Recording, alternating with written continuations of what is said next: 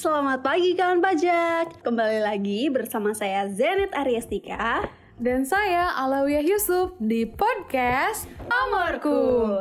Disiarkan langsung dari lantai 16 kantor pusat Direktorat Jenderal Pajak dengan terus menerapkan 3S. Pertama senyum, kedua sehat, dan ketiga semangat. Yap, semangat dan siap membawakan berita minggu ini. Kita ke berita pertama ya. Okay. Mungkin kawan pajak juga sudah tahu nih bahwa Direktorat Jenderal Pajak dan Kementerian Keuangan sedang menghadapi sebuah kasus terkait harta pejabat eselon 3 nih. Iya. Setelah mencuatnya berita terkait penganiayaan yang melibatkan anak pejabat. Padahal sebenarnya itu masalah pribadi ya. Iya, awalnya dari masalah pribadi. Tapi setelah kelanjutan kasusnya dan ada penelusuran lebih lanjut ya, Menteri Keuangan telah memberikan instruksi kepada jajaran Kementerian Keuangan untuk melakukan penyelidikan terhadap pegawai tersebut dan menyampaikan pihaknya akan terus melakukan langkah konsisten untuk menjaga integritas seluruh jajaran dengan menerapkan tindakan disiplin bagi mereka yang melakukan korupsi dan pelanggaran integritas. Wah, Menteri Keuangan dan jajaran Kemenkeu ini gercep ya untuk menangani kasus ini dan semoga kasus ini tidak mempengaruhi kinerja seluruh pegawai Kemenkeu yang tentunya bersih. Betul, yang sudah menjaga integritas nih ya. Betul banget. Untuk update-nya, Kementerian Keuangan memutuskan untuk memecat pegawai tersebut dari statusnya sebagai pegawai negeri sipil.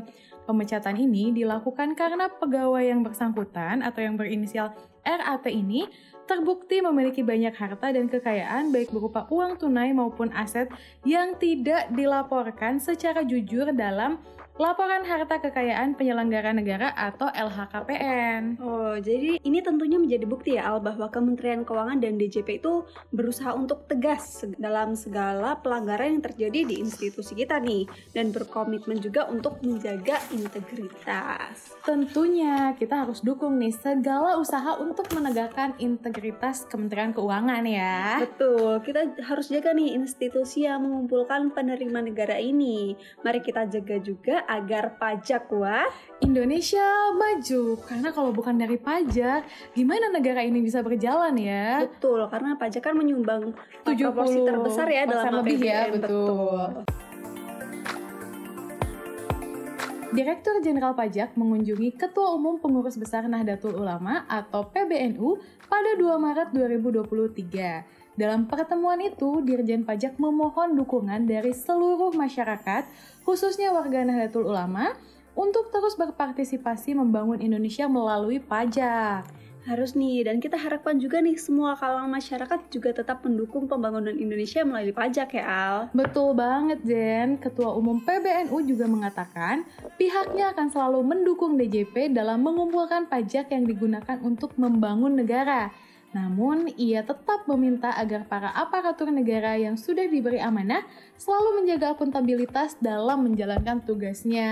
Kemudian, ia juga memastikan NU siap sedia melakukan pengawasan terhadap praktik-praktik tidak benar dari aparatur negara. Memang harus dari dua sisi ya. Betul. Aparatnya harus jujur, masyarakat jujur, dan semuanya mengawasi. Betul. Pokoknya kita harus jaga baik-baik nih amanah rakyat dan juga negara kita Al. Dari sisi kita sebagai pegawai ya Aparat tentunya. negara Betul. dan juga masyarakat ya. Sebagai warga negara juga harus melaksanakan kewajibannya nih dalam berpajakan. Apalagi kalau bukan SPT tahunan. Kawan pajak udah lapor SPT tahunan belum? Kamu udah lapor belum? Udah dong. Oh iya. Kan tinggal menghitung hari nih batas pelaporan SPT orang pribadi. Batasnya akhir Maret kan Al? Wah, saking hektiknya di bulan Maret ini sampai lupa ya kalau ini udah bulan Maret, Iya bulan nih. terakhir pelaporan SPT, SPT tahunan tahunan. orang pribadi. Paling telat itu batasnya 31 Maret 2023 untuk pelaporan SPT tahunan pribadi tahun pajak 2022 dan 30 April 2023 untuk SPT tahunan badannya. Ngomongin SPT nih Al, Presiden Jokowi baru melakukan kunjungan ke KPP Surakarta Al. Oh iya. Iya.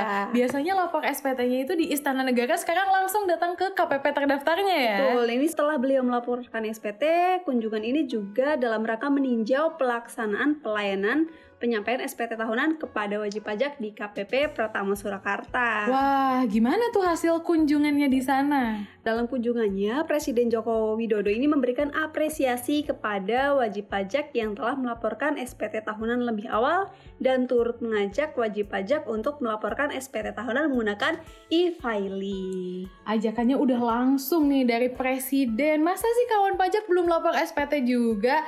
Yuk segera lapor SPT tahunan kita karena lebih awal, lebih nyaman. Nah, jika membutuhkan informasi lebih lanjut, kawan pajak dapat menghubungi kontak center DJP di layanan 15500-200, live chat melalui Twitter at kering underscore pajak, live chat di laman pajak.go.id atau dengan menghubungi AR masing-masing ya. Siap. Baik kawan pajak, berita tersebut menjadi penutup pamorku minggu ini. Tetap update berita perpajakan setiap minggunya melalui Pamorku, podcast berita kesayangan kita semua. Sampai jumpa.